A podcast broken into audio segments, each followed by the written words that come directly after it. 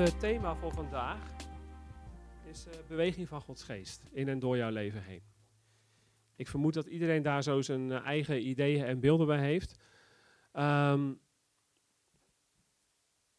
waar ik vandaag echt met jullie mee aan de gang wil, is het gesprek over het groeien in, het leren uitstappen in het horen van Gods stem en het bewegen in de gave van de Heilige Geest. En ik denk dat het horen van Gods stem is misschien wel het meest essentiële in onze wandel met God. En daar, daar wil ik het vandaag echt over gaan hebben. Ik denk dat de meeste van jullie ervaring hebben met het horen van Gods stem, maar ik geloof dat voor ons allemaal, mijzelf in Kluister, nog zoveel rek zit op die lijn. Ik had vanochtend even gesprek met Ruben en toen hadden het over hè, dat uh, als je wel eens iets vanaf een podium doet, dan weet je dat je dus vaak daar heel erg op gefocust bent en dan ben je dingen aan het voorbereiden vooraf en dat is ook goed, weet je wel. Wat ga ik zeggen, wat ga ik doen?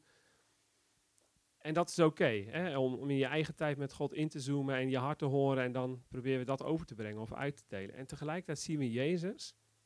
En Jezus ging niet van dienst naar dienst, maar Jezus was een wandelende connectie met God. Overal waar hij ging, hij was altijd in perfecte afstemming met de Vader. Hij zei ook, in Johannes 5 zegt hij dat, ik doe alleen wat ik de Vader zie doen. En ik zeg alleen wat ik hem hoor zeggen. Wauw. En dat was niet, hij ging acht uur bidden en dan kon hij dat in één preek bij elkaar brengen. Nee, dat was gewoon heel de dag door.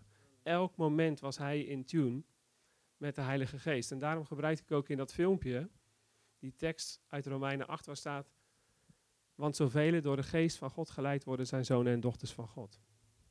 En dat kun je zien als een soort conditie. Als je niet geleid wordt door de geest van God, dan ben je dus geen zoon of dochter van God. Ik hoop niet dat dat is hoe je het gehoord hebt. Want je bent een zoon en een dochter van God. Als je je leven aan Jezus hebt gegeven, als je voorbij het kruis bent gegaan en je hebt nieuw leven ontvangen, ben je een zoon en ben je een dochter van God. Maar Gods verlangen is dat dat zoonschap zich uit en dat je voortdurend geleid wordt door, en dat de Heilige Geest voortdurend door je leven heen mag bewegen. En daar wil ik het met jullie over gaan hebben vandaag. Ik, vanochtend even het programma. Um, wil ik graag wel gewoon eerst even het woord induiken. Want het woord is uiteindelijk de basis voor alle dingen die we roepen, die we beweren, die we denken te horen. Dat is onze toetssteen. Het woord van God. En um, ik geloof dat het goed is om dat ook als fundament neer te zetten. En voor een deel van jullie zal dat misschien zijn, goh, weet ik allemaal al? Nou super, dan zal de volgende vraag zijn, hoeveel wandel je er dan al in? Hè? Want tussen denken en doen zit soms nog best wel een gat. En misschien gaat het juist heel veel uh, nieuwe inzichten geven en dat zou tof zijn. Uh, maar ik vind het heel belangrijk dat we met elkaar een fundament hebben waar we op kunnen staan als we het hebben over, waar hebben we het nou over als we het hebben over de stem van God verstaan? Waar hebben we het over als we het hebben over de beweging van de Heilige Geest? Waar hebben we het nou over als we het hebben over de gaven van de Geest? Want ik kan me niet voorstellen dat iemand van jullie daar nog nooit iets over gehoord heeft. En tegelijkertijd was mijn persoonlijke ervaring in ieder geval dat ik daar ook al heel veel jaren dingen over hoorde. Ook best wel veel erover wist, maar dat daarin bewegen, nou daar zat een soort disconnect tussen. En die is er misschien nog steeds wel, want ik denk als we alles zouden gaan doen wat we elke zondag in preken hoorden, wauw. Hè? Dus ergens in onze Griekse cultuur, nou ga ik, een heel ander, ga ik nu niet heel diep op in, moet je aan Kors vragen, die weet het ook nog veel beter dan ik. Griekse cultuur is als ik het verstandelijk heb begrepen, dan heb ik het gepakt. Terwijl de Hebreeuwse cultuur, de Joodse cultuur zegt, ik leer door iets te doen. En daarom gaan we vandaag ook echt doen. Want ik weet uit eigen ervaring dat je niet werkelijk begrijpt hoe de gaven van God werken, totdat je het hebt gedaan. Je kunt er honderd boeken over lezen, je kunt er preken over horen, maar uiteindelijk de echte klik in je hart, de connectie, en dat is niet alleen in geestelijke dingen, dat is ook in het natuurlijke. Als je je kind fiets wil leren rijden, heb ik onlangs gedaan, dan ga ik mijn zoontje geen boeken laten lezen over fietsrijden, over balans houden en over een stuur. Ik zet hem op die fiets en hij gaat leren trappen. En aan het begin doe ik het werk vooral. Op een gegeven moment gaat hij het voelen. Hij voelt wat hij doet en hij voelt zijn balans en daar gaat hij. En ik denk dat het ook iets is wat we een beetje kwijt zijn geraakt in ons christelijke wereldje. Dat we vooral een praat- en een denkcultuur hebben gecreëerd. En dat we eigenlijk soms niet zo heel veel meer doen. Dus we gaan ook wel praten, want ik snap ook wel, soms moet je eerst iets begrijpen voordat je het kunt gaan doen. Hè. Sommige mensen leren door te doen, anderen willen het eerst snappen voordat ze het willen of kunnen gaan doen. Dus dat is oké, maar uiteindelijk moeten we allemaal wel gaan doen. Dus die uitdaging wil ik je vandaag wel geven. Dat zoals je hier zit vandaag, dat jij vandaag uit gaat stappen in de gave van de Heilige Geest. Dat jij woorden van God door gaat geven. Dat jij Gods stem gaat verstaan. Dat we dat allemaal gaan doen. Dat is wel cool, hè? Misschien een beetje spannend. Maar dat is wel waar het over gaat. Ik, ik hoop dat dat ook. Nou ja, zit de deur op slot, Kors? Ja. ja, um, ja, dus. Nou, dat even als intro. Um, 1 Korinthe 12. Zullen we daar eens naartoe gaan? 1 Korinthe 12 en 1 Korinthe 14 zijn, uh, denk ik, wel de bekendste hoofdstukken in de Bijbel over de gaven van de Heilige Geest, over de beweging van God. Dus ik denk dat dat een heel goed fundament is om eerst eens in te stappen. Uh, 1 Korinthe 12, vers 1. Ten aanzien van de uitingen van de geestbroeders, ik lees MBG, als je iets anders leest, uh, prachtig. Uh, maar dan denk je soms van waarom is het anders nou? Daarom. Uh, ten aanzien van de uitingen van de geest, broeders, wil ik u niet onkundig laten. Want gij weet, toen gij nog heidenen waart, dat u blindelings naar stomme afgoden liet heen drijven. Daarom maak ik u bekend dat niemand door de geest van God sprekende zegt, vervloekt is Jezus. En dat niemand kan zeggen, Jezus is Heer dan door de Heilige Geest. Dat is wel interessant, hij zegt daar iets tussen, dat gaan we even negeren, want eigenlijk springt hij van vers 1 naar vers 4. Want hij zegt dus, over de uitingen van de geest, broeders, wil ik niet dat je onwetend bent. Ik vind dat heel interessant, want vervolgens zegt hij dan in hoofdstuk 4, er is een verscheidenheid aan genadegaven, maar door dezelfde geest. Er is een verscheidenheid in bedieningen, maar het is één en dezelfde Heer. En er is een verscheidenheid in werkingen, maar het is dezelfde God die alles in alle werkt. Maar aan ieder wordt de openbaring van de geest gegeven, tot welzijn van allen. Want aan de een wordt door de geest gegeven met wijsheid te spreken, en aan de ander om met kennis te spreken, krachtens dezelfde geest. Aan de een geloof door dezelfde geest, aan de ander de gave van genezing door die ene geest. Aan de een werking van krachten, aan de ander profetie. Aan de een onderscheiding van geesten en aan de andere allerlei tongen. En aan weer een ander vertolking van tongen. Maar dit alles werkt door één en dezelfde geest, die een ieder in het bijzonder toedeelt wat hij wil.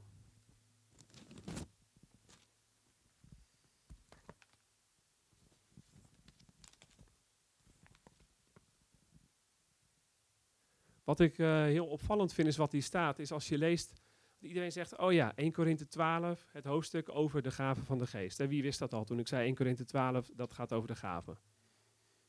Ja, toch wel een paar. De rest denk ik ook wel. maar dat staat er niet. Paulus zegt over de uitingen van de geest wil ik dat je niet ontwetend bent. Dus hij zegt niet over de gaven van de geest. En dat viel me direct op. Want um, in het Engels staat er ook iets anders. Um, daar staat over, in een bepaalde vertaling staat, um, over de dingen van de geest. So the things of the spirit. Hè?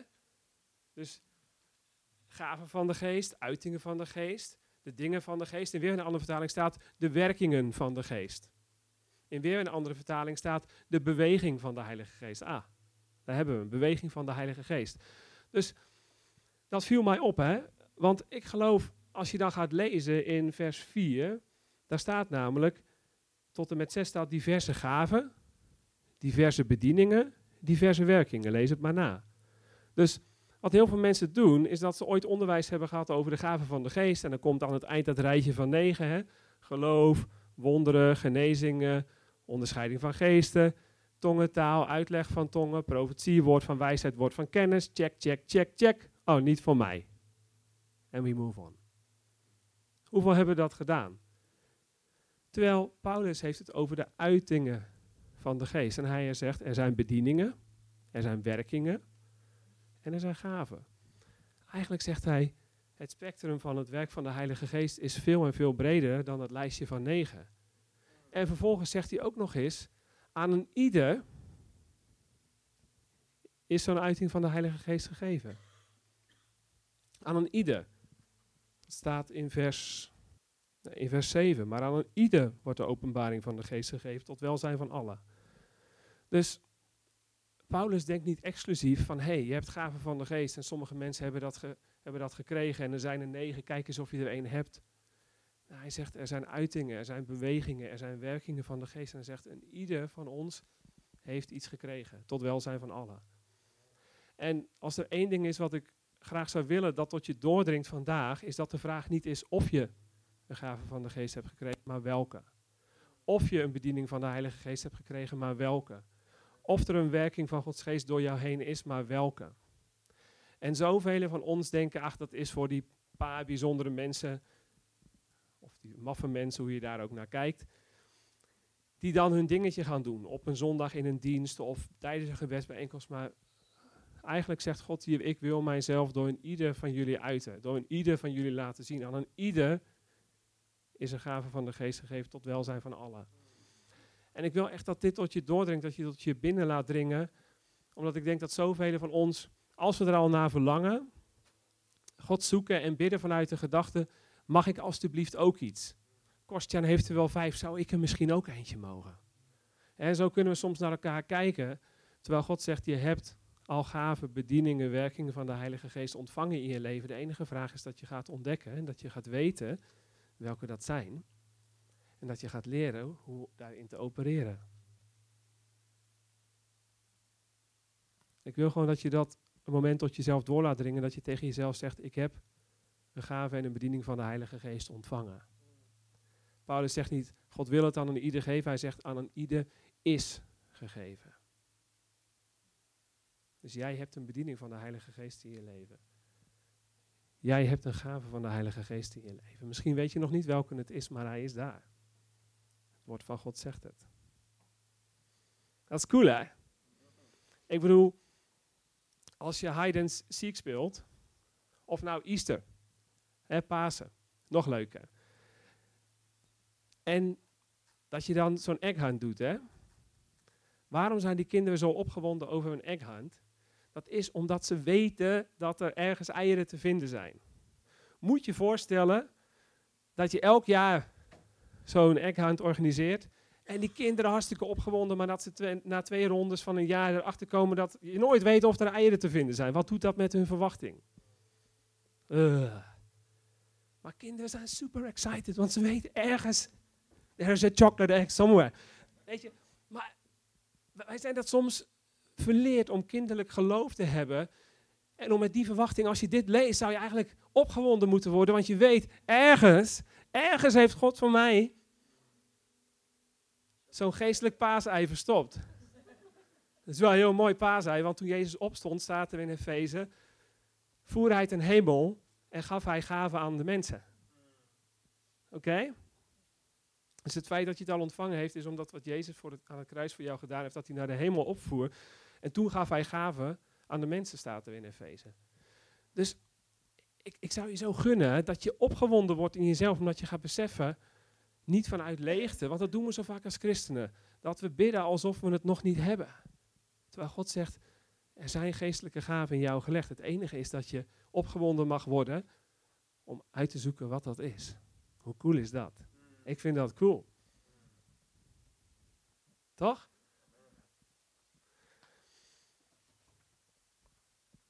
Ja, ja, ja. Ik heb hier opgeschreven. Iedereen is geroepen om God op een bovennatuurlijke manier zichtbaar te maken. Iedereen is geroepen om God op een bovennatuurlijke manier zichtbaar te maken. Je bent gered met een doel. En dat doel was niet alleen maar om je in de hemel te krijgen.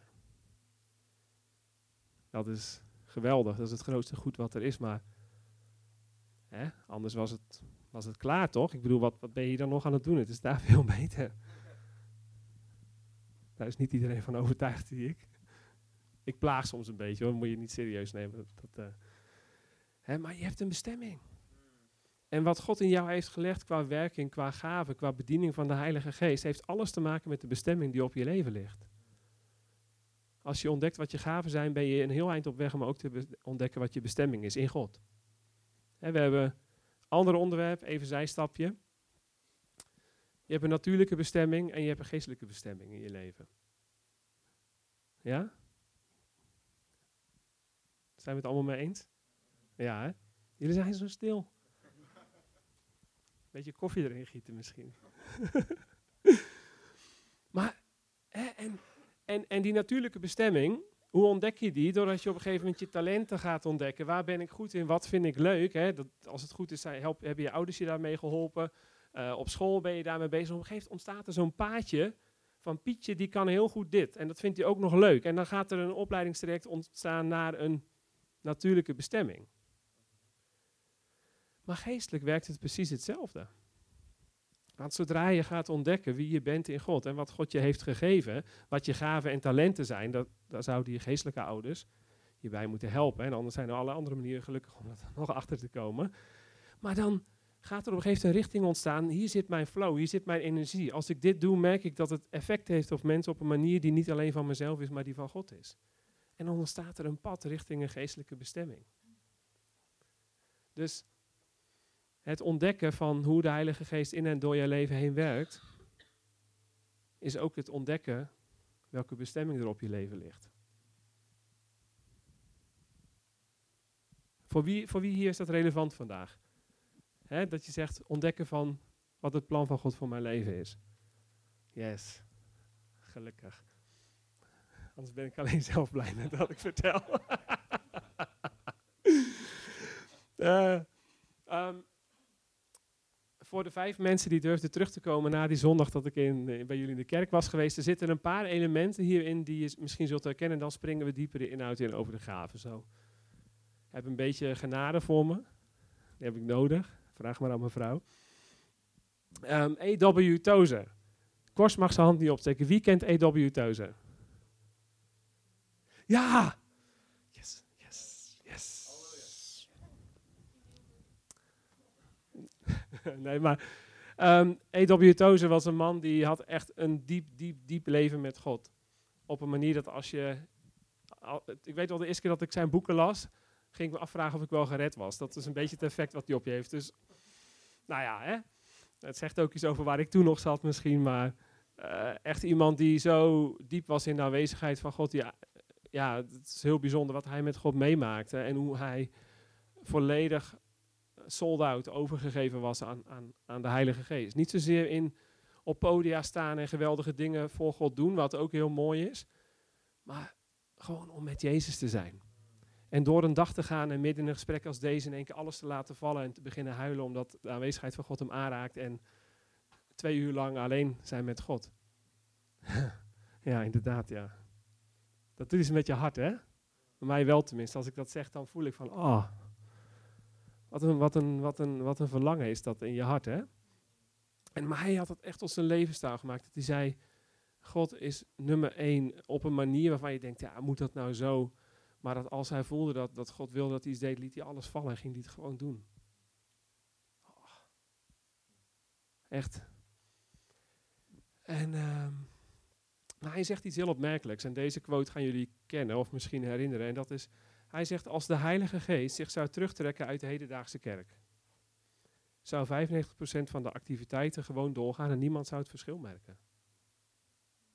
Dat is een heftige uitspraak, hè? Dan zegt hij vervolgens, als de Heilige Geest zich had teruggetrokken uit de kerk van handelingen, dan zou 95% van de dingen die ze doen direct stoppen en iedereen zou het verschil weten. Zal ik hem nog een keer zeggen? Als de Heilige Geest zich zou terugtrekken uit de kerk van vandaag, zou 95% van de activiteiten direct stoppen of gewoon doorgaan en niemand zou het verschil merken. Als de Heilige Geest zich zou terugtrekken uit de kerk van de handelingen zou 95% van de dingen die daar gebeuren direct stoppen en iedereen zou het weten. Wat zegt hij nou eigenlijk als hij dit zegt? Dan denk je, wow, dat is heftig om zoiets te zeggen. En het gaat niet over het percentage, maar het gaat over de boodschap die hij geeft. En wat hij eigenlijk, wat ik daarin hoor, is dat hij zich afvraagt: in hoeverre zijn we in ons doen en laten echt afhankelijk van de geest van God? In hoeverre zijn de dingen die we doen voor God, persoonlijk of in de kerk, hebben we God daar echt voor nodig? Of zijn het eigenlijk gewoon menselijke inspanningen vanuit een goed hart natuurlijk? Maar in hoeverre is dat nou echt de Heilige Geest? In hoeverre zijn wij dat?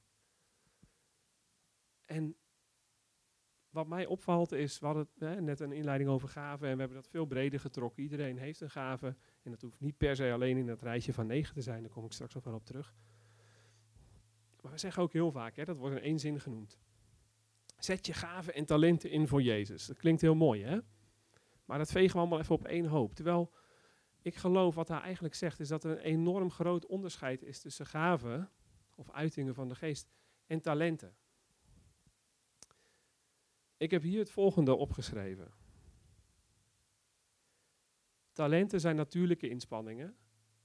Want talenten had je al vanuit je natuurlijke geboorte. Je kunt goed zingen, je kunt goed praten, je kunt goed tekenen, je kunt goed wat het ook mag zijn. Maar het zijn natuurlijke inspanningen die leiden tot een natuurlijk resultaat. Dus talenten zijn natuurlijke inspanningen en die leiden tot een natuurlijk resultaat. Gaven zijn bovennatuurlijke inspanningen en die leiden tot een bovennatuurlijk resultaat. Dus we vegen het heel vaak op één hoop. Terwijl Paulus heeft het in 1 Korinthe 12 niet over talenten. Hij heeft het over gaven, hij heeft het over uitingen van de geest. En er is een groot verschil, want menselijke inspanningen zijn fantastisch en die hebben we nodig om mensen te helpen en de liefde van Jezus zichtbaar te maken. Die hebben we nodig om een dag als vandaag te organiseren. Stoelen, koffie, mooie muziek, uh, iemand met een microfoon in zijn hand. Prachtig. Maar in essentie zijn dat geen bewegingen of werkingen of uitingen van de geest. In essentie zijn dat natuurlijke dingen. Eens? En die leiden tot een natuurlijk resultaat. Maar gaven zijn bovennatuurlijke inspanningen vanuit de geest van God. En alleen bovennatuurlijke inspanningen, geïnspireerd, geleid onder de kracht van de Heilige Geest, kunnen ook leiden tot een bovennatuurlijk resultaat. Ik heb hier opgeschreven, gaven zetten God in beweging. En stellen ons in staat om iets te doen wat natuurlijk gesproken nooit mogelijk zou zijn. Ik ga dat nog een keer zeggen. Gaven zetten God in beweging en stellen ons in staat om iets te doen wat natuurlijk gesproken nooit mogelijk zou zijn. Want weet je, om muziek te maken heb je geen geloof nodig. Zelfs om een preek in elkaar te zetten, of zelfs om een preek heb je geen geloof nodig. Kan een stel bijbelteksten pakken, ik kan erover nadenken en ik kan er iets over vertellen, toch? Waar het in essentie om gaat, is dat het hele evangelie was nooit bedoeld om een menselijke respons te zijn op de liefde en de goedheid van God. Want hoe makkelijk gebeurt dat, hè? We leren de liefde van God kennen, we leren de vergeving kennen door het kruis en we zijn dankbaar en we gaan ons uiterste best doen voor God. Hoe, hoe goed klinkt dat? Hoe mooi klinkt dat? Kom op. Ja, toch? En we werken onszelf de grond in en we doen het echt uit liefde voor Jezus. Er is ook geen oordeel daarover. Hè? God ziet ons hart. Alleen, als je kijkt naar Jezus' bediening, de impact die hij maakte was niet omdat hij een hele leuke dienst organiseerde, omdat hij goede muziek had, omdat hij lekkere koffie zette, omdat hij een flitsende multimedia presentatie, nou die heb je gezien, die heb ik in ieder geval niet. Maar ik, ik snap nu ook wel dat Jezus geen filmpjes deed. Dat heeft hij geprobeerd en waarschijnlijk dacht hij, ja, doe maar, uh, schrijf maar gewoon op. Ja, maar, maar in ieder geval, maar dat was niet het kenmerk van Jezus' bediening. Jezus' bediening was voortdurend het bovennatuurlijke. Woorden vanuit de hemel die mensen diep troffen in hun hart. Wonderen van genezing. Wonderen van bevrijding. Het was alles wat hij deed, was bovennatuurlijk. En ik denk dat we tot de conclusie moeten komen. Ik heb dat hier onderaan geschreven. We kunnen God niet dienen op een natuurlijke manier. Weet je, we hebben allemaal door dat wedergeboorte is iets bovennatuurlijks. Amen. Dat gaat verder dan alleen een keus maken in je hart en zeggen, ik wil Jezus volgen, er gebeurt op dat moment iets bovennatuurlijks in je geest. 2 Korinthe 5, vers 17. Wie in Christus is een nieuwe schepping, het oude is voorbij gegaan. Op dat moment plant God een nieuwe geest in jou. Komt de Heilige Geest in je binnenste wonen en dat voel je, dat ervaar je, dat weet je. Dat is bovennatuurlijk. En vervolgens stappen we weer uit het bovennatuurlijke en gaan we volgens het natuurlijke heel hard aan de slag omdat we zo dankbaar zijn dat God dat voor ons gedaan heeft en er voor ons nu een plekje is in de hemel om hem heel hard te dienen. En Jezus houdt daarvan en hij is daar blij mee en hij ziet dat. En tegelijkertijd, als we naar de bediening van Jezus kijken, wat het model is voor ons allemaal, was het bovennatuurlijk, bovennatuurlijk, bovennatuurlijk, bovennatuurlijk, bovennatuurlijk, bovennatuurlijk, bovennatuurlijk. En ik wil je uitdagen vandaag. Dat als Paulus zegt, ik wil dat je niet ontwetend bent over de werking, over de uiting, over de beweging van de geest, dat daar een reden voor is. God wil zijn koninkrijk bouwen. God wil mensen bereiken. God wil dat we Hem ervaren in ons midden. Maar daarvoor is meer nodig dan alleen onze talenten. We kunnen niet met alleen onze talenten de kerk bouwen. We kunnen niet alleen met onze talenten God dienen. We hebben de kracht en de beweging van de Heilige Geest heel hard nodig. Dus, als je dat zelf ooit besloten had of iemand anders je dat verteld heeft, niemand heeft de gave van koffie zetten. Niemand heeft de gave van stoelen klaarzetten. Niemand heeft de gave van beameren. Dat zijn geen gaven. Het is hartstikke goed dat we dat doen, maar het zijn geen gaven. Misschien is voor sommigen een opluchting, want nou, ik vermoed niet in deze kerk, maar ik ben wel een kerk geweest van mensen dat een soort van aangepraat krijgen. Ja, jouw bediening is om de stoelen neer te zetten, broeder. Oh, nou. Is op zich goed dat je de stoelen neerzet, want dat moet ook gebeuren. En dienstbaarheid is wel de basis voor alle andere dingen. Oké, dus nogmaals, ik, ik zet dat niet aan de kant als iets nutteloos. Maar ik wil je wel uitdagen dat God meer in jou heeft gelegd dan alleen maar stoelen klaarzetten of koffie zetten. God heeft iets bovennatuurlijks in jou gelegd wat hij door jou heen tot uiting wil laten komen. Geloof je dat? Durf je dat vanochtend binnen te laten komen?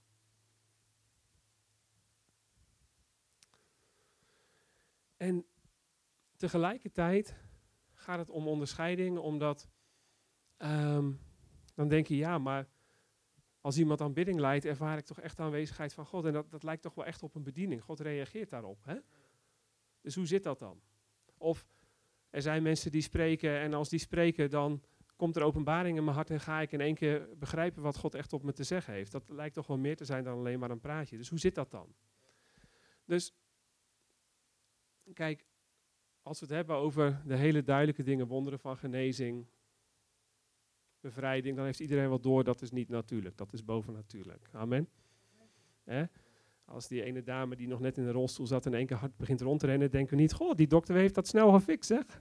Nee, toch? En tegelijkertijd zijn er die gebieden waar talenten en gaven elkaar aan kunnen vullen, of soms niet.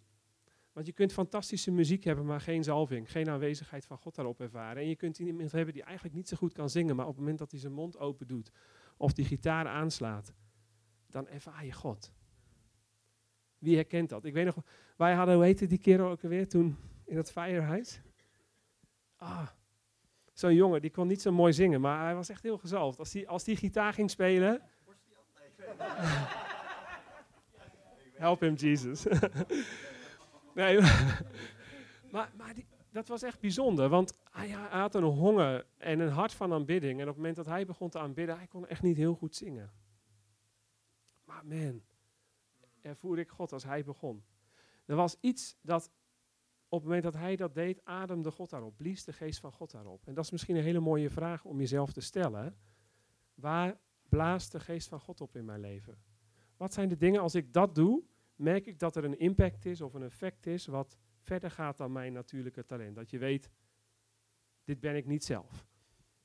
Een mooi voorbeeld daarvan is uh, profetisch dansen. Dat is ook zo'n ding. Ik heb daar jaren pastoraat voor moeten hebben. nee, even eerlijk, dat had met mij te maken. Ik dacht altijd, ah, ik vond het een beetje dat ik dacht, kom op zeg, weet je wel. Ik had er niks mee. Alleen tegelijkertijd, um, uh, God is zo grappig, hè, want hij kan je soms raken door dingen waar je het minste mee hebt. En dan in één keer. Hè, um, nog nog zo'n principe trouwens van God. God legt vaak wat jij nodig hebt op een plek waar je niet graag wilt komen. Of bij mensen waar je een probleem hebt. Want het gaat om nederigheid van hart. En het gaat om voorbij kijken aan wat aan de buitenkant zit. En zien wat God in iemand gelegd heeft. Dat is een cultuur van eer. Dat is door de ogen van Gods geest naar mensen gaan kijken. En gaan zien wat er in mensen gelegd is. Voorbij aan je persoonlijke voorkeur en je persoonlijke meningen. Dat vraagt nederigheid. Soms leidt God je naar een plek om iets te ontvangen wat je heel hard nodig hebt, waarvan je dacht, en daar ga ik nooit heen. Of die persoon. Iedereen behalve hij. Ben ik ook daarin weer de enige? Is een beetje mijn, mijn persoonlijke beleidenis, de dienst vanochtend, mijn biecht. Maar, maar God is ons aan het stretchen, omdat Paulus zegt op een gegeven moment, wij kennen vanaf nu aan niemand meer naar het vlees, maar we kennen elkaar alleen nog naar de geest. En denk je, heeft dat iets met barbecue te doen? Niet meer aan het vlees, hè? Vegan is, is hot today. Nee, maar dat gaat over dat als ik Kostian zie, dat met alle problemen die ik met hem heb, dat ik kan zien wat God in hem heeft gelegd. Nou heb ik gelukkig met Kost niet zoveel problemen. Maar, maar dit is heel essentieel. Want we hebben allemaal zo onze voorkeuren, we hebben allemaal zo onze ideeën. Alleen kunnen we zien wat God op mensen heeft gelegd. En een hele goede vraag is, waar blaast God? Waar ademt God op in mijn leven? En dat kan heel breed zijn. Er zijn mensen die een bovennatuurlijke gave hebben om, om geld te verdienen. Ja. En die dromen ontvangen van God. En die investeringen maken. En je staat erbij en je kijkt en je denkt, dit slaat nergens op. Maar het, het geeft vrucht op een manier die, omdat de gunst van God daarop is. Hè? Ehm, maar even terug naar dat profetisch dansen. Voor mij was dat dus zo'n ding. Waarvan ik dacht, joh, leuk, maar aan mijn lijf geen polonaise, zoiets. En um, vervolgens, en er was ook, ja, in de, in de kerk waar ik geweest was, dan zag je daar mensen dansen, en dat noemden ze dan profetisch dansen. En dan dacht ik echt oh, wat ben ik blij dat ik mijn ogen dicht kan doen tijdens de aanbidding. Dat is mijn, mijn beleidenis. Niet het woord van God, geen profetisch woord. Misschien wel een openbaring voor sommigen dat je ogen dicht kan doen als je aan het aanbidden bent. Kan soms helpen. Maar tot ik op een gegeven moment in een kerk was in Amsterdam. En uh, dat was zo'n Afrikaanse kerk, want we werkten voor een bediening die veel contact had met de Afrikaanse kerken. Als je nog nooit in een echte Afrikaanse kerk bent geweest, doe dat. Je hoeft er tegenwoordig niet meer voor naar Afrika. It's gonna rock your boat. Ja. En het gaat je helpen om voorbij het vlees te kijken, of in ieder geval je eigen cultuur. En te ontdekken dat die mensen hele mooie dingen hebben ontvangen waar wij uh, nuchtere Hollanders veel van kunnen leren. Maar ik weet nog dat daar hadden we dus een dienst en er was aanbidding en uh, God was aan. op een gegeven moment kwam daar een vrouw, het was al een wat oudere vrouw, grijs haar. En, en, die, die, en toen zei de, de passer daarvan, zij gaat dansen voor de Heer nu. En in Afrika doen ze alles aan plein publiek. Hè? Dus wij drukken die mensen een beetje achter in de zaal. Zo, dan kunnen we allemaal lekker naar voren kijken. En dan zijn we zo op Jezus gericht. Maar daar leggen ze de hele boel stil. Want iemand gaat nu dansen voor God. Heerlijk, hè? Ja. En het was wel zo'n vrouw met zo'n typische jurk. Wie, wie, begrijpt wat ik nu zeg? En, en, en nou moet je voorstellen, wij zaten front row. Want in de Afrikaanse kerken als je een pastor bent of een minister of een bishop of who know what you are, dan krijg je een bordje dat je dat bent. Er zijn sommige mensen heel blij mee, anderen iets minder gelukkig mee. En um, dan kom je vooraan te zitten, maar niet vooraan zoals wij vooraan zitten, lekker met je rug naar de mensen. Nee, dan hebben ze rijen stoelen op het podium. En daar zit je dan, want you're a minister. You know, you're a man of God. Oeh. Dus wij zaten front row, dus er was geen ontkomen aan uh, voor mij, zeg maar. Maar ik zeg je, die vrouw begon te dansen. En op het moment dat zij begon te dansen, vulde de aanwezigheid van God dat auditorium. Het was een grote zaal, er waren duizenden mensen. En ik begon te huilen van de aanwezigheid van God. En ik leerde iets die dag. Ik leerde allereerst hoe vooringenomen en trots ik soms kan zijn over mijn beelden, over wat God wel en niet doet en hoe God wel en niet werkt. En geloof me, we hebben allemaal onze ideeën over. Hè? We willen allemaal dat God beweegt, maar wel volgens de regels, toch? En zeggen, nee, de Bijbel, broeder. Maar eigenlijk zijn het onze regels, of in ieder geval hoe wij de Bijbel begrijpen. Of onze favoriete teksten uit de Bijbel. Hm? En ween je gebeente als God zich niet aan zijn regels houdt. Ja, je lacht erom, maar je zou ze de kost moeten geven. Geloven we allemaal dat God groter is dan zijn boek. Hij spreekt het niet tegen, maar hij heeft het zelf geschreven. De Bijbel openbaart God. Hij bevat niet God. Heb je daar wel eens over nagedacht? De Bijbel openbaart God, maar hij bevat God niet. Hè? Het openbaart de natuur van God. Dus als de dingen gaan gebeuren of mensen gaan dingen doen of zeggen namens God die niet stroken met hoe God zich openbaart in de Bijbel, dan hebben we een probleem. Maar Johannes zegt al, als we alles moesten opschrijven wat Jezus ooit gedaan had, zouden de boeken van de wereld het niet kunnen bevatten. Lezen we even snel en denken, oh ja, dit is wel heel veel dan. En volgens zeggen, waar is het in het boek? Waar is het in het boek? Nee, maar ik maak er een beetje een grapje van, maar you know what I'm talking about, toch? En, maar die vrouw begon te dansen en, en ik leerde dus van, hé, hey, ik leerde twee dingen van. Hoeveel trots en vooringenomenheid je soms in je hart kunt hebben, dat je God in een hokje duwt over hoe die jou mag ontmoeten. God komt altijd door de voordeur, dus de achterdeur zit op slot. Maar wat nu als Jezus vandaag aan jouw achterdeur staat? En jij zegt, als hij niet de moeite neemt om aan te bellen aan de voordeur en zich fatsoenlijk bij me meldt, dan hoeft het niet van mij. Maar wat als hij in één keer gewoon de keuken binnen wil komen waar jij staat, onvoorbereid, zonder je mooie kleren aan, zonder je kopje koffie en je koekjes op tafel? Wat als dat is wat Jezus wil doen vandaag? Ben je dan bereid om te zeggen, oké heer, u, u bent echt heer. Als u zegt de achterdeur, is het de achterdeur. Of zeg je dan, nee, ik heb alleen een voordeur hoor. Maar wat het mij nog meer leerde, ik, ik gooi er af en toe wat dingen doorheen omdat ik voel dat, dat dit dingen zijn die belangrijk zijn om aan te raken. Om, hè, de belangrijkste beperking die we hebben in het ontmoeten van God zit niet in ons hart. Toen Jezus stierf, scheurde het voorhangsel, de weg naar de Vader is open. Maar de meeste beperkingen zitten in ons denken. In hoe we kijken naar onszelf en hoe we kijken naar God. En als dat gaat veranderen, ontstaat er in één keer een openheid om je hart voluit te openen voor wat God in je leven wil doen. En um, ik leerde nog iets en dat is dat dans is maar dans. Maar als de Heilige Geest besluit om daarop te ademen, wauw, dan wordt het een ontmoetingsplek met God. Ik heb nog zo iemand, Johannes heet hij. Dat is een vriend van mij. En Johannes is heel bijzonder, want Johannes kan geen noot lezen. Nou, daar zijn er wel meer van. Maar hij kan ook, hij kan wel pingelen, maar hij kan ook niet muziek spelen. Dus ik heb één keer de fout gemaakt om Johannes in een band te stoppen met anderen. Nou, daar werd Johannes heel verdrietig van, maar die andere mensen nog veel verdrietiger. Want het was echt, ik weet nog dat we een avond hadden, het was een soort encounter night. Oh man. En, maar dat ging al vooraf dus helemaal mis, want die gasten die moesten gaan oefenen, maar dat was echt, die waren totaal gefrustreerd met elkaar. Uiteindelijk kwam dat wel goed, maar, maar waarom dat ik hem daar nou had ingezet, is dat ik was bij Johannes thuis, hij is een vriend van mij. En weet je, als Johannes achter de piano gaat zitten, ik weet niet wat dat is, maar op het moment dat hij zijn eerste akkoord aanslaat, voel je dit. Voel je de zalving en de aanwezigheid van, van Jezus. En dat is heel bijzonder. En dat is niet omdat Johannes fantastisch piano kan spelen, maar Jesus just likes him playing the piano.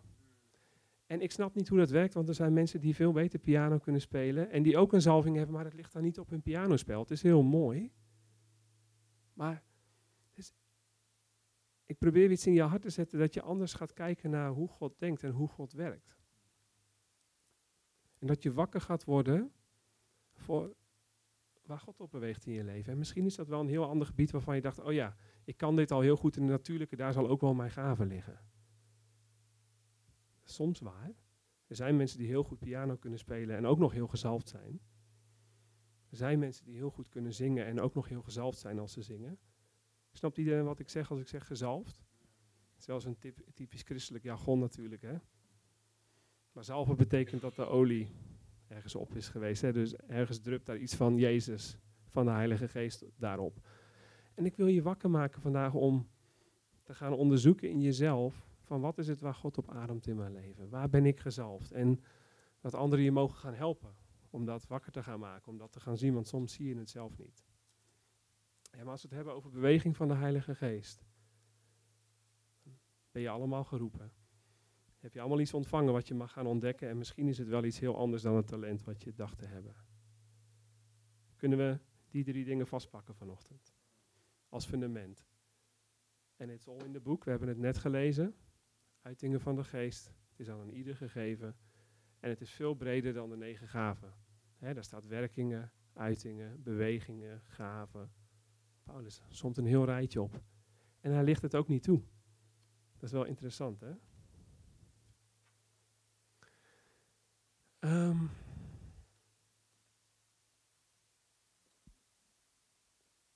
helpt dit? Helpt dit? Ja, dat mag. Dan gaan we straks ook nog. Uh, we gaan. Nee, nee, doe maar nu. Leuk. Doe maar nu.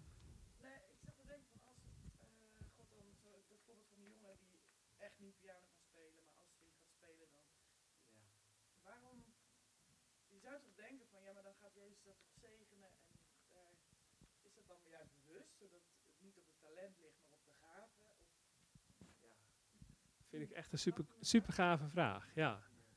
Ehm, ik denk er zijn een aantal insteken in te kiezen. Um, want je zou denken, waarom, gaat, waarom had hij me ook niet even dat talent gegeven? Dan loopt dat lekker samen, toch? Hè? Ja. Ja.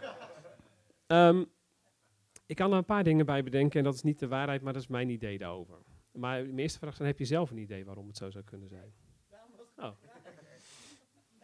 iemand, iemand anders een idee?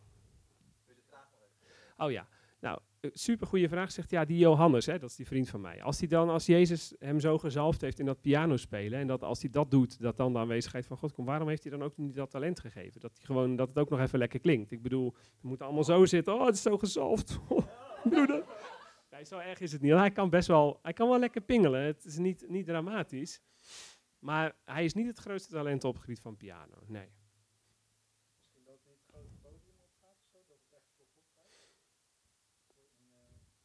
Oké. Ah, dat vind ik een hele mooie insteek, daar had ik niet aan gedacht. Ehm, jij zegt misschien omdat het bedoeld is voor tussen hem en God. Ah, heel cool. Oh, dit, vind ik, dit vind ik heel krachtig, hè, want dit is wel de echte essentie van alle dingen in je motief waarom je dingen doet. Er zijn, dat weten we allemaal, bedieningen die ook bedoeld zijn om heel veel mensen te raken. Hè? Ik bedoel, als je Reiner Bonke, die is er helaas niet meer, maar die zet je op een podium met een miljoen mensen en een paar honderdduizend mensen geven hun leven aan Jezus. Hè? Super gaaf. Dus het is geen algemeen principe dat elke gave in principe. Maar wat ik wel heel mooi vind, we hebben ook Maria. En als je vraagt wat was haar bediening, het was zitten aan de voeten van Jezus. Want dat is wel de eerste plek. En dat is wel de plek waar ons hart en onze motieven op gericht moeten zijn. Dus het zou heel goed kunnen zijn. En ik geloof ook dat het is van deze tijd trouwens, wat Gods geest aan het doen is de evangelische beweging is heel erg gericht op we moeten de wereld winnen. Maar als je kijkt wat Jezus zegt over wat, waarom we eigenlijk gered zijn, is het allereerst opdat we Hem kennen. En de, de Vader en degene die Hij gezonden heeft, zegt Jezus in Johannes 17. Dus dit is het eeuwige leven, zegt hij. Dat ze u kennen. En degene, en heeft hij het over zichzelf, die, die u gezonden heeft. Dus ik vind het heel mooi, want ik denk wel, er zijn gaven die bedoeld zijn of bewegingen van de geest voor je persoonlijk leven. Hè. Dus het is altijd een goede toets. Is dit voor het podium of voor een ander? Of is het eigenlijk mijn eigen punt van verbinding met, met God? Hè? En dat zou heel goed kunnen zijn. Um, een ander iets waar ik aan kan denken is dat in Korinthe staat dat God heeft het zwakke van deze wereld uitgekozen om het wijze te beschamen. Hè? Om, heeft het zwakke van deze wereld uitgekozen om het sterke te beschamen, het dwaze van deze wereld uitgekozen om het wijze, de wijsheid van mensen te beschamen. Het is niet letterlijk zo, maar dat is de tekst. Uh, ik kan zo even opzoeken waar die staat. Dus ik geloof ook, kijk, de wereld draait op talenten. En ik denk dat het risicovol is om te gaan, in competitie te gaan als we mensen willen winnen met de talenten van de wereld. Als het gaat om muziek, als het gaat om show. Want wow, are those guys good? Hè? En ik zeg niet dat we daarmee niet excellent hoeven te zijn. Hè? En dat we niet, ik bedoel, als je door allerlei doffe ellende heen moet worstelen voordat je bij de boodschap komt die we uit willen dragen, is het ook niet goed. Maar onze kracht is niet in onze excellentie, in onze welbespraaktheid, in onze beste muziek, in onze beste show, in onze beste PR. Dat is niet waar de kerk het van moet hebben. Amen. En nogmaals, je hoort dat ik steeds balans zoek, hè, want daarmee is dat niet waardeloos. Goede koffie, een fijne zaal kan helpen dat mensen überhaupt binnen willen komen. Anders gaan ze de boodschap überhaupt al niet horen. Maar het is niet de boodschap. Amen. En er is dus iets, denk ik, dat uh, God houdt van het zwakke. Omdat zijn kracht in zwakheid wordt geopenbaard. Omdat, hoe beter, weet je, het is heel mooi als een talent en een gave samen kunnen bewegen. Maar hoe moeilijk is het om zelf aan de kant te gaan staan in iets waar je al heel goed in bent en te weten dat je afhankelijk bent van God. Dus ik denk dat God soms bewust kiest om iets wat zwak is in je leven te zalven met zijn geest, zodat je zelf niet zo in de weg zit. Does that make sense? Want ja, ik ken mezelf, dingen waar ik goed in ben, denk, oh, dat doe ik wel even hoor. Toch? Let's do it. Maar wanneer gaan we bidden? Als we onze eigen zwakheid voelen. Het zou misschien niet zo moeten zijn, maar het is wel, we zijn mensen. Dus zodra God je gaat salven op een gebied waar je geloof nodig hebt, waar je op het water moet gaan wandelen, oh, dan weten we wel dat we afhankelijk zijn. Dan gaan we zeggen, Jezus, help ons. En dat is precies wat er moet gebeuren als we willen instappen in de flow van de Heilige Geest. Dus super, super, super goede vraag, dankjewel. Nog een paar andere vragen, dan springen we dan anders wel door naar... Uh... Wees niet bescheiden, hè? Dat doe ik wel voor jullie.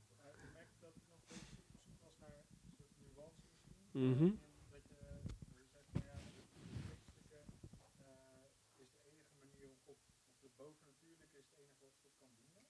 En de natuurlijke talenten kunnen dat niet. Ehm, Oké. En dat ik ergens denk van, ah, volgens mij zit soms de meeste uh, genezing van wat Jezus doet wel gewoon in het feit dat je een blinde ziet en aanraakt. Ja, als ik dat gezegd heb, is dat in ieder geval niet wat ik bedoelde te zeggen. Ehm, want wat ik volgens mij zei is dat we. ehm, kijk, het gaat niet om of-of. Want er is enorm veel kracht en schoonheid en ook zegen in de liefde van Jezus uitdragen in het natuurlijke.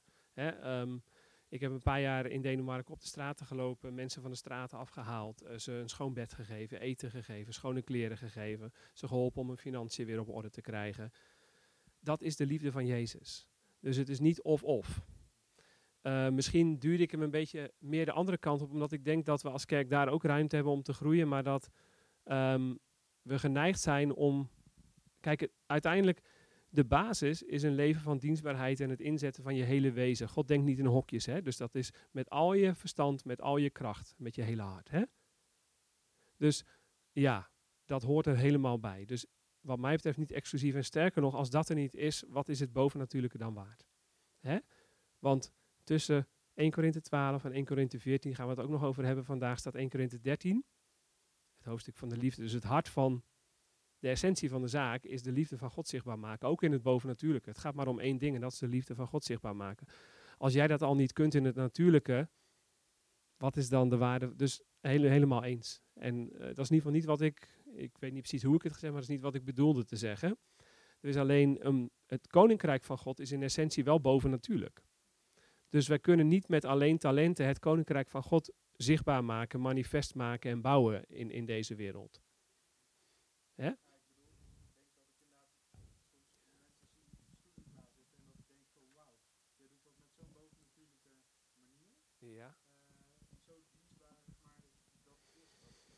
Ja. Ja. Um, ik denk dat dat ook zo is. Ik denk dat dat veel meer heeft te maken met het hart wat mensen daarmee doen, wat je voelt. Dat je daar de, echt de liefde van Jezus en echte dienstbaarheid uh, in ervaart. Hè? Dus nogmaals, duur dat niet aan de kant als zijnde daar is Jezus niet in. Jezus is in dat wij samen een kopje koffie drinken. Jezus is in hoe ik met mijn vrouw omga, hoe ik met mijn kinderen omga. Dus ik probeer je zeg maar een soort een andere wereld open te trekken die, die, die daarnaast mag komen staan maar niet in plaats van. Helpt dat? Oké. En ik kan soms wat zwart-wit zijn in mijn uitspraken. Goed dat je me daar op wijst.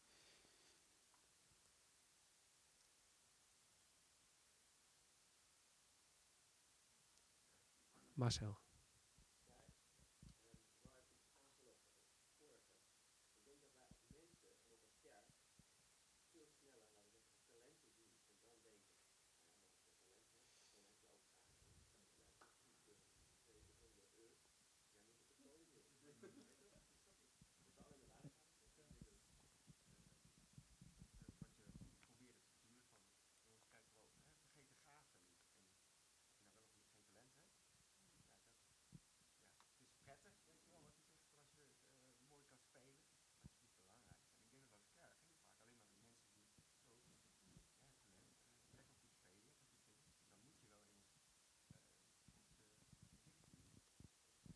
Wat ik hier namelijk het hele mooie aan vind, is wat als degene die koffie schenkt of de stoelen klaarzet, uiteindelijk degene is waar God door gaat spreken op een profetische manier, waardoor God doorbreekt in een dienst. Maar wij zijn zo gefocust op een manier waarin we dingen doen, dat ik denk dat we heel veel missen wat God wil doen. Niet omdat dat stoelen klaarzetten niet oprechte dienstbaarheid en liefde is, waardoor mensen echt geraakt kunnen worden. Maar dat we vaak wel een bepaald idee hebben van als er iets bovennatuurlijks gaat gebeuren, gaat het vanaf dat podium komen.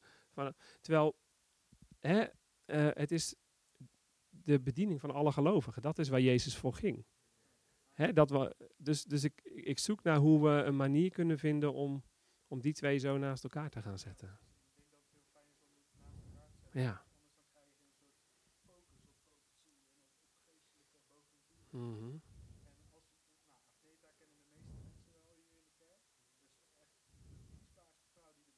Ja. En als zij met kinderen bezig is, of als zij koffie of iets doet, ik proef daar Jezus in, zeg maar. En als ik alleen maar kijk naar het podium en naar geestelijke profetie, eh, profetie en het gebedsteam en Kostiaan die op het podium staat. Uh, wel vergeten. Dus, eh, dus eh, dan mis ik, zeg maar, de dienstbaarheid van deze vrouw en, en het Ja. prachtige hart wat zij heeft. En, en dat het soms niet altijd helemaal handig gaat of wat dan ook, dat maakt niet uit. Want je ziet gewoon dat zij Jezus daarmee leeft. Ehm dankjewel, heel goed. Ehm, ja, twee dingen. Weet je, als de liefde niet is in wat we doen, of het natuurlijk is of geen de echte liefde van Jezus, dan is het een, een schellend symbaal. Hè? Dat, dat is wat, wat, Paulus zegt. Dus ik denk, liefde is echt de essentie. En eh, zowel het natuurlijke als het geestelijke, als de liefde ontbreekt, is Jezus er niet in. Ehm, en misschien is het wel zo dat er zijn ook mensen die een gave hebben van dienstbaarheid. Die staat trouwens ook in de Bijbel. Dus het kan zelfs zo zijn dat zij een van die mensen is dat meer dan bij anderen die dat ook uit een goed hart doen, dat mensen echt Jezus ervaren door haar dienstbaarheid heen. Zou ook nog zomaar eens kunnen. Hè, dus trek het vooral helemaal open. Uitingen van de geest kan nog steeds zijn dat je stoelen zetten, klaarzetten of jouw koffie schenken gezalfd is. Want als je de gave van gastvrijheid of dienstbaarheid hebt, werkt Jezus juist daarheen. Ik heb al gezien eh, een vrouw die ik ken, toevallig, waar mensen, die, die, die kan niet goed spreken, die kan niet goed zingen, maar die nodigt gewoon mensen in hun huis uit. En die overlaat ze zo met liefde, maar daar is iets van God en die mensen zitten binnen een uur te huilen op de bank bij haar. Dat. Hè, dus dat is wat ik zo gaaf vind aan, aan Jezus. Hij kan zalven wat hij wil. Ja, hij is God. Hoe cool is dat? Er zijn mensen die een zalving hebben om gedichten te schrijven. Echt waar. Ik ken iemand, als ik zijn gedichten luister, dan, dan zit ik gewoon te janken. Weet je wel, dan ontmoet ik Jezus. Is dat omdat zijn woorden precies fantastisch... Nou, deze iets dat ik denk, hoe is dat? Jezus heeft besloten dat hij bij hem daarop... Dus dat... Ik wil het helemaal opentrekken vandaag. Ik wil, ik wil nog wel een aanvulling geven uit mezelf. Want eh, ik werk in de hulpverlening, zoals de meesten weten. Nou, ik heb één collega, die is in het natuurlijke gewoon een stuk beter dan ik. Scherpere vragen, betere luistervaardigheden, beter in aansluiten. Toch, ehm, ja, ik doe het ook trots, maar zijn soms mijn trajecten met cliënten beter dan haar. Maar dat komt gewoon echt door de Heilige Geest, die dan het verschil maakt. Ik geef haar als, als hulpverlener echt een, eh, een 8,5 en mezelf echt wel twee punten minder, zeg maar. Maar soms heb ik gewoon opeens die gave van onderscheid. Van hé, maar dit is het probleem. Of dit is de wortel. Of dan loop ik, doe ik mijn jas aan om weg te gaan. En opeens komt er een vraag in me op. Denk ik van ja, heb ik een uur lopen broeden op een goede vraag. En dan vraag ik dat. En is het precies van ja, ja, dit is het eigenlijk. En dan is het dat, dat bovennatuurlijke van God door mij heen. Wat, eh, ja, wat, een extra is. Dus hij is gewoon in natuurlijk echt een betere hulpverlener. En leer ik heel veel. In het natuurlijk ontwikkel ik heel veel van mijn hulpverleningsskills aan haar. Maar zij zegt ook van ja, wat kan jij soms teweeg brengen? Hoe kan dat? Ik zeg ja, daar gaan we weer. Ik zeg, dat, dat, dat, dat dat God is, die, die, die dat net even doet. Ehm, Ik hoef mij niet lui te maken voor mezelf. Ik wil mijn natuurlijke skills echt ontwikkelen om mensen te zegenen. Maar ik weet ook, ja, ik ben gewoon geroepen voor die, voor die geestelijke skills. Want dat, dat heeft de wereld niet, zeg maar. Er zijn genoeg goede natuurlijk, nou nog niet eens genoeg. Er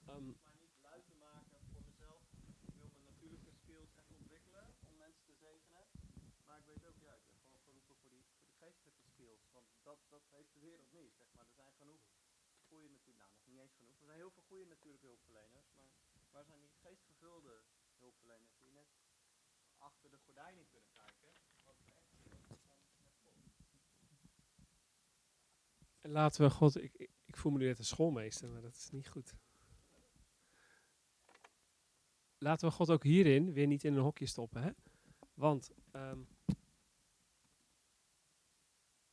laat ik het zo tekenen. Zo.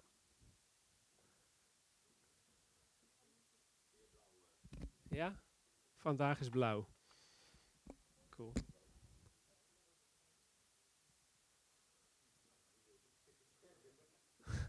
Oké, ik, ik ga zo vertellen wat ik hier, als ik het zelf nog kan lezen, wat ik hier heb opgeschreven.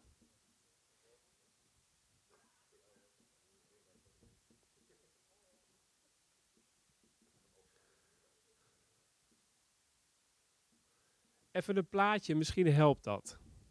Gelukkig staat het. Even kijken hoor. Ik sta er ook helemaal midden voor. Hè? Kan, iemand überhaupt zien wat ik hier heb gez- opgezet? Ja, Ehm, misschien, want dit zijn wel, ik vind het fijn dat, we, want dit is wel waar je, ik ga ook door zulke soort denkprocesjes heen. Hoe van, dan iets nieuws en dan denk je, huh, maar wat daar dan van? Hè? Dat, is een dat is eigenlijk een goed teken, want dat betekent dat je nieuwe dingen aan het binnenkrijgen bent en dat je volgens ook kijkt, hoe verhoudt zich dat tot wat ik al begreep. En dus dit is, dit is, dit is heel goed. Eh, maar nou, laten we even talenten nemen. Gave God. Hè? Zoiets. We hebben het allemaal van God gekregen, dus hij staat bovenaan. Hij is de baas van onze talenten en de baas van onze gaven. Liefde moet daar doorheen werken. Hè? En het moet, zijn uit, het moet uit Gods liefde komen, vanuit Gods liefde voortkomen. En het moet naar God gericht zijn. Hè? Want het is niet zo dat we pas God gaan dienen als we in één keer gaan profiteren. Nee, hè? de Bijbel zegt in alles wat je doet, doe het als voor de Heer. Dus daar, daar zit wel een ding in. Hè? Dat als we ons geestelijke knopje aanzetten als we naar de kerk gaan, of als ik mijn geestelijke knopje aanzet als ik nu denk, oh, we gaan vandaag eh, spreken. Oeh, doe ik echt voor Jezus hoor. Hè? Nou, maar dit is wel echt eh, in een levensstijl dat we zeggen, in alles wat we doen, God zoeken, ons hart op God gericht hebben, hè, dat, dat is een levenshouding. Dat gaat veel verder dan het dingetje wat we vandaag doen. Noem maar even een dingetje wat we vandaag doen met elkaar. Dan komt daar gave op. Er is ook een bovennatuurlijke dimensie. In alles moet het doordrenkt zijn door de liefde van Jezus, want dat kun je proeven in alles. Dat zit niet vast aan gaven of aan talenten. Als je doordrenkt bent van de liefde van Jezus, gaan mensen dat in alles merken wat je doet en wat je zegt of wat je niet zegt. En dat is het hele mooie. Jezus is alles in allen. Hè? Paulus zegt, in hem leef ik, beweeg ik en heb ik mijn bestaan. Dat is best wel heel veelomvattend. Hè? En dan heb je God. Wat ik daar zo mooi aan vind, is dat, dan ga ik even een beetje stretchen. Want voor je het weet denken, oh ja, ik heb mijn talentje, ik heb mijn gave, ik weet hoe ik dat knopje aan moet zetten en daar gaan we. Maar er is een dimensie van het zijn in de aanwezigheid van God, het één zijn met God. Weet je, uiteindelijk vloeit het allemaal voort uit dezelfde geest, zegt Paulus in 1 Corinthië 12. Wat als die geest je helemaal overneemt? Heb je dan nog een bepaalde gave? Of is dan in één keer alles wat je doet op een nieuw niveau besmet, zou ik haast zeggen, met de aanwezigheid van God, doordrenkt van de aanwezigheid van God? Want we hebben zeg maar een soort gaven, zijn een soort natuurlijke kanalen die God in ons heeft gelegd, waar de geest van God makkelijk in door ons en uit ons stroomt. Hè, laat ik het maar zo zeggen, een soort pijpleidingen. Een pijpleiding van profetie bij de een, een pijpleiding van genezing bij de ander, een pijpleiding van woord van kennis voor iemand. Hè? Of een pijpleiding van piano spelen, hadden we het net over, of dansen. Maar dat zijn een soort van, van die bekende paadjes. Maar dat is, de rivier stroomt door jou heen. Maar wat als jij zelf helemaal ondergedompeld raakt in de rivier? Dat je op het niveau zit dat God je helemaal heeft. Dan vallen gaven weg, dan vallen talenten weg, dan valt het allemaal weg. Want dan zijn we één met God. Dus ja, schaduw ernaast. Dan in mijn gavenrijtje past die niet. Weet je. Die staat er niet tussen. Ja, ja. Dus, dus hij was waarschijnlijk zo. super cool. Ja, hij was ook. Ja, die wil ik ook wel. De de fariseeën zeiden ook, hè, toen ze die man, die lamme man bij de poort genezen hadden, zeiden ze niet, oh hij heeft de gave van genezen. Ze zegt, ze zagen dat ze bij, met Jezus waren geweest. Dat is interessant, hè? Dus er zijn een soort voorkeurskanalen waarin God door je leven heen beweegt, maar, maar daar stopt het niet. Want als je onder, hoe meer je ondergedompeld wordt in de aanwezigheid van God als levensstijl, in de geest van God, dan kan het zijn dat als jij stoelen klaarzet, dat mensen op die stoel gaan zitten en direct een aanraking van God ervaren. En dit is geen sprookje, ik heb dit zien gebeuren.